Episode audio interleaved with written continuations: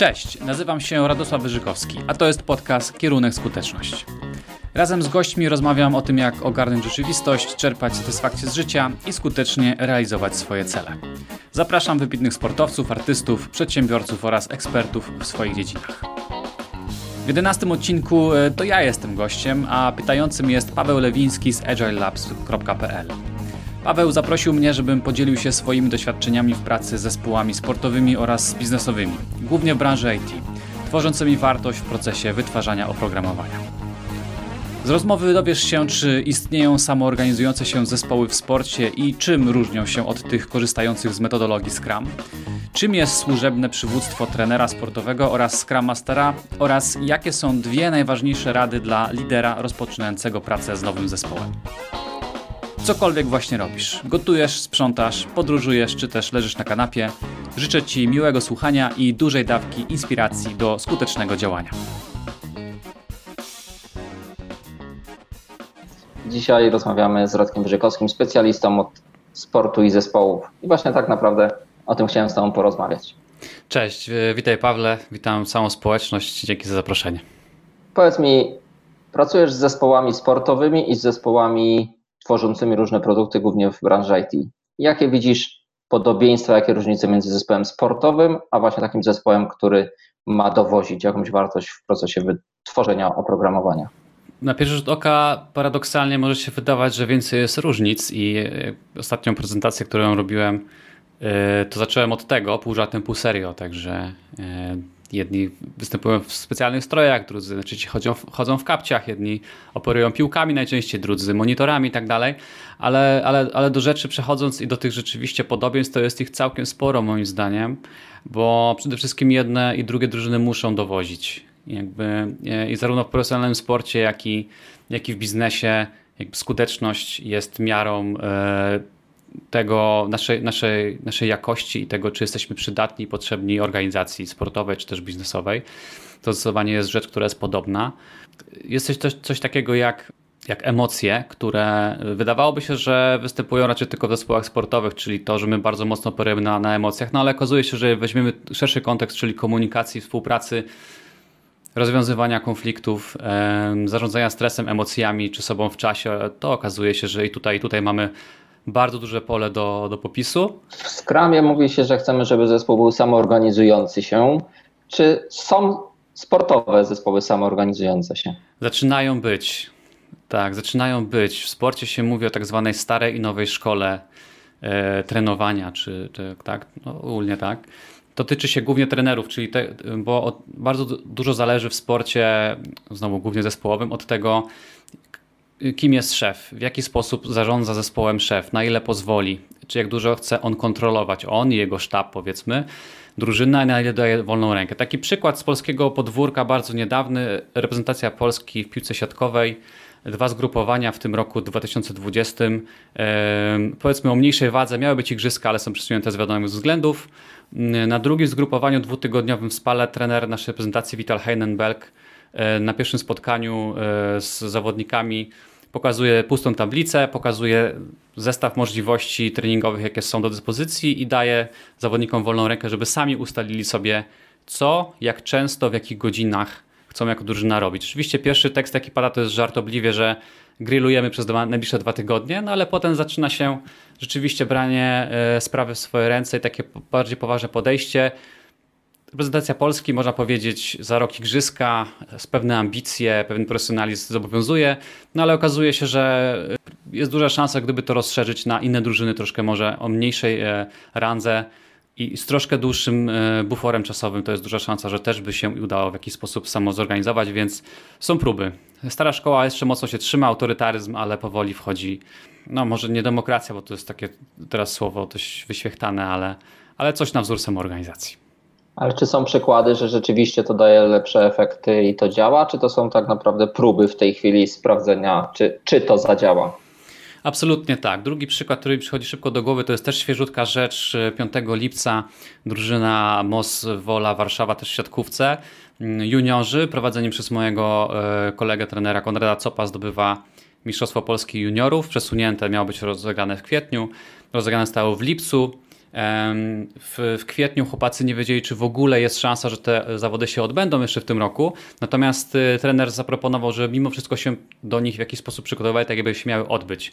Nie mogli się spotkać na y, boisku, więc robili sobie spotkania zoomowe, były zadania domowe, były rozdziały książki do przeczytania, e, były team buildingi, takie, takie na ile się je dało zrobić regularne e, spotkania i to dało efekt w postaci tego, że oni nie będąc kompletnie faworytami wygrali Mistrzostwo Polski, pokonując, jak ktoś się zna, no to e, Trefl Gdańsk w młodzieżowej siatkówce bardzo mocno rządzi, Jastrzębski Węgiel tym bardziej.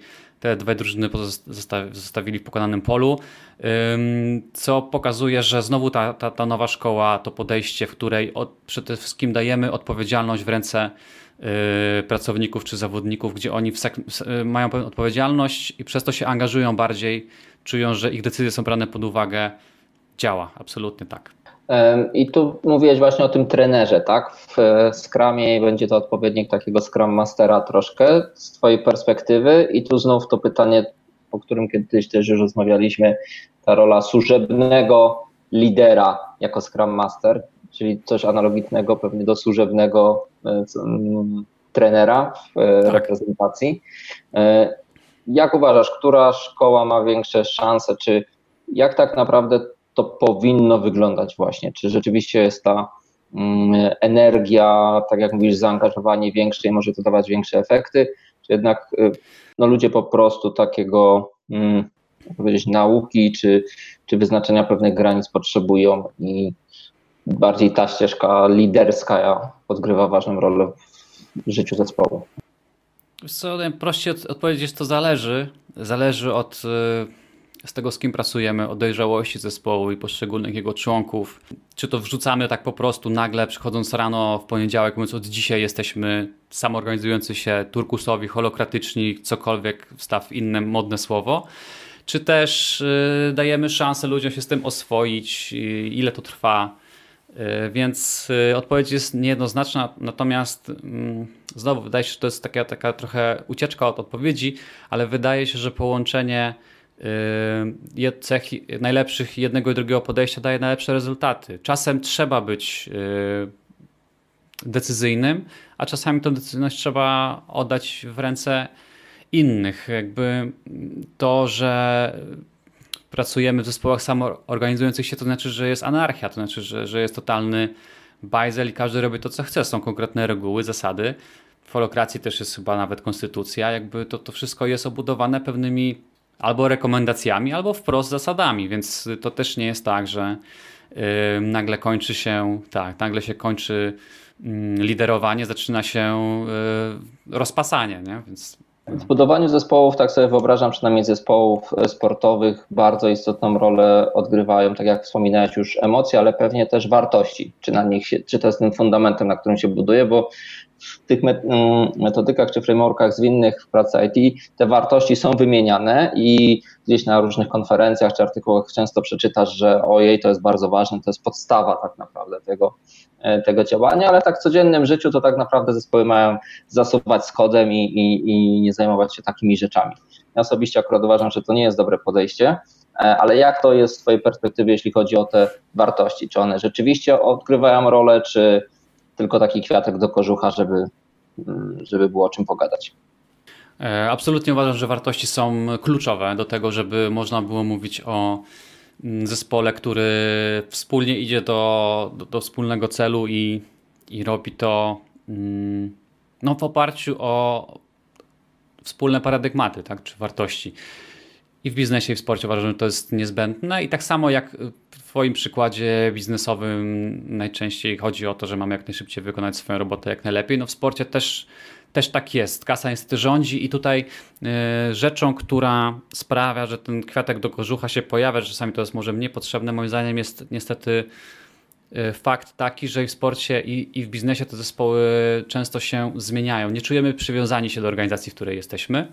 Nie mamy szansy się ze sobą lepiej poznać, swoje mocne strony, swoje słabe strony, stać się zespołem, który sobie ufa i razem chce coś zrobić naprawdę dobrego, tylko najczęściej po prostu zrzucić z pleców to, co tam nam ciąży i, i pójść do tego kolejnego wymarzonego projektu, w którym będę mógł w końcu zacząć robić to, co lubię, w taki sposób, w jaki lubię i, i w takim wydaniu, jaki to dla mnie będzie najwygodniejsze, ale, ale najczęściej tak się nie dzieje, więc y, no są dwa wyjścia, albo akceptujemy tą rzeczywistość, w której jesteśmy poganiani. Ostatnio brałem udział w takiej grupie dyskusyjnej trenerów, którzy wspólnie chcemy zrobić e, pewną, pe, pewien projekt dla, dla biznesu, głównie też dla branży IT.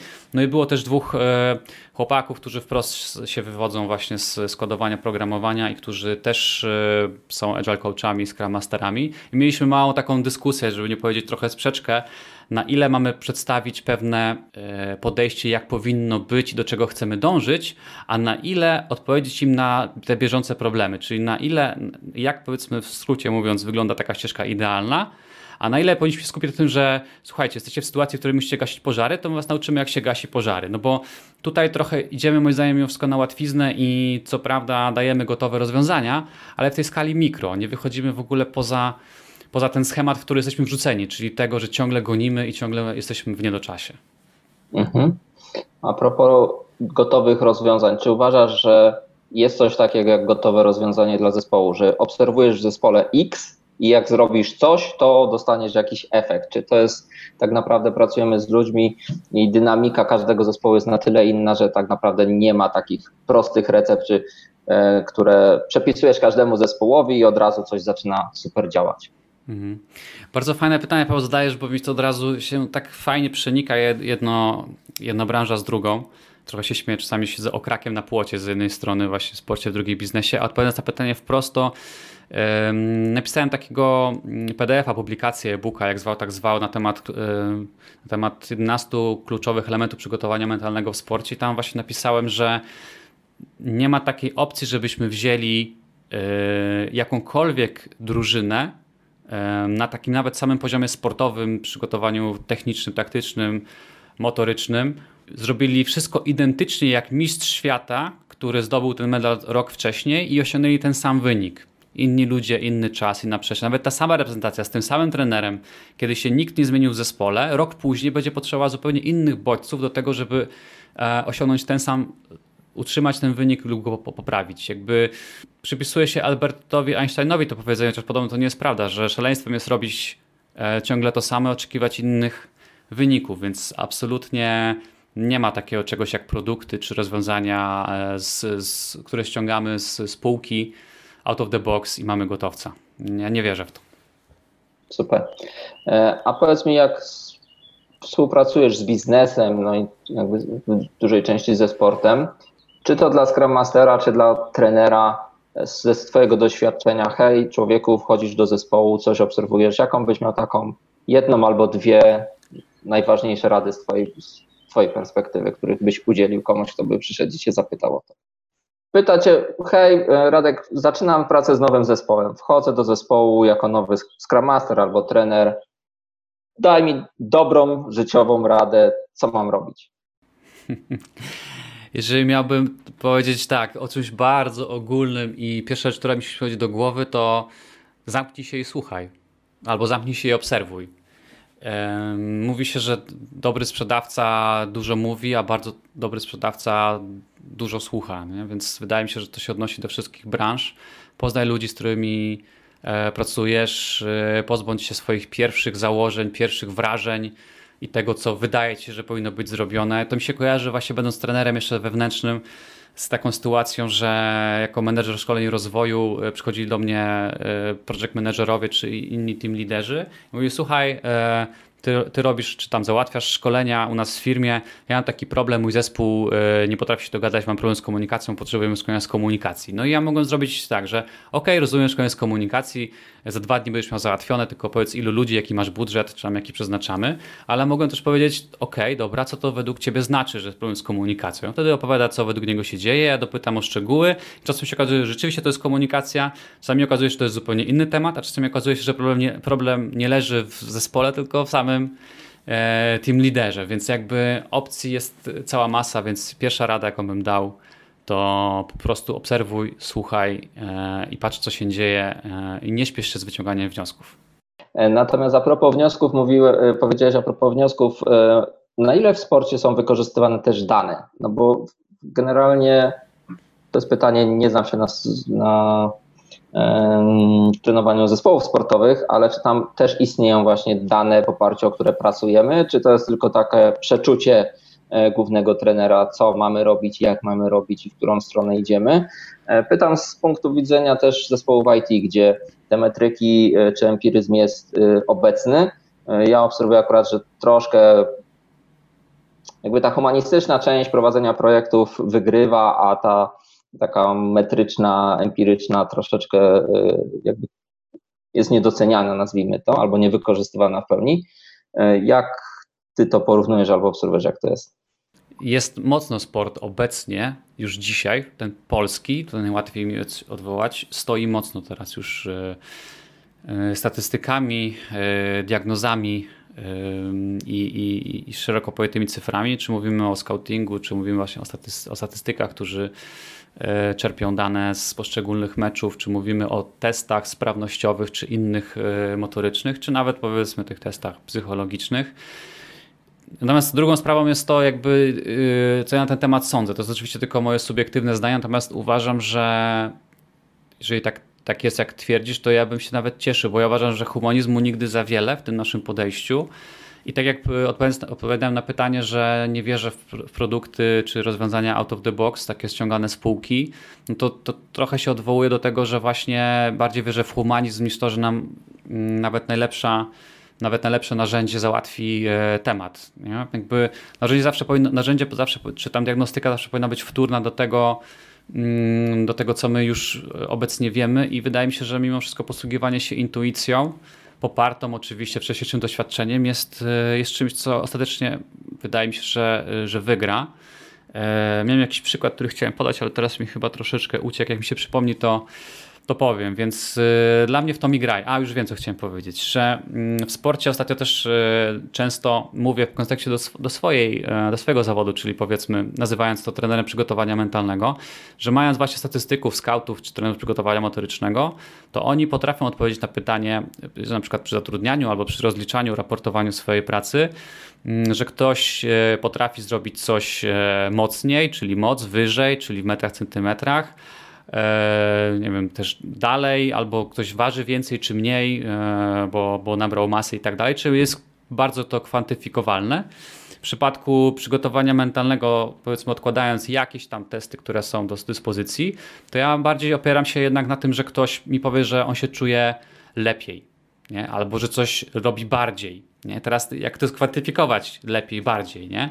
Nie da się za bardzo, więc ja uważam, że mimo wszystko mm, jest duża wartość w tych w podejściu jakościowym do, do zarządzania, do, do kierowania zespołami czy budowania tych zespołów. Znaczy, na razie z mojej perspektywy troszeczkę nie. Myślę, że jednak jest różnica między tym podejściem sportowym, gdzie te emocje myślę, że są jednak dużo mocniejsze w ludziach, którzy walczą jakby z głębi siebie chcą dać więcej, jeśli chodzi o wynik sportowy, e, a mimo wszystko mm, zespoły IT, które no, produkują jakiś soft, nawet jeśli są bardzo zaangażowane, to te emocje są na innym poziomie niż, e, niż u sportowców. I tu w zespołach IT akurat ja widzę to, co powiedziałeś, żeby wiedzieć coś, to warto to widzieć, w sensie mieć jakieś dane na ten temat, żeby się nie opierać właśnie na opiniach, bo opinie no, są bywają różne i nie do końca zwierciedlają to, co rzeczywiście się dzieje, a tu chodzi tylko, żeby zaobserwować, nie oceniać, tylko zaobserwować. Powiedz to zespołowi, który pracuje z klientem i, i w momencie, kiedy klient e, odpala jakiś pożar albo mówi, że jakaś tam wiesz, kolejna wersja e, softu nie spełnia jego e, wymagań, to myślę, że emocje wchodzą na dość porównywalny poziom. Okej, okay, przyjmuję. E, dobra, bardzo dziękuję Ci serdecznie za tą szybką rozmowę. Generalnie chodziło mi o to, żeby, żebyśmy zobaczyli, że tak naprawdę zespoły sportowe, zespoły IT czy każde inne zespoły to jest, nie wiem czy możemy to nazwać z Twojej perspektywy, jakbyś miał porównywać, czy uznałbyś to za podobne zespoły w sensie takim bardzo ogólnym, czy to są zupełnie inne byty, których, bo zakładam chyba, że, że, że można je tak porównać na jednej półce.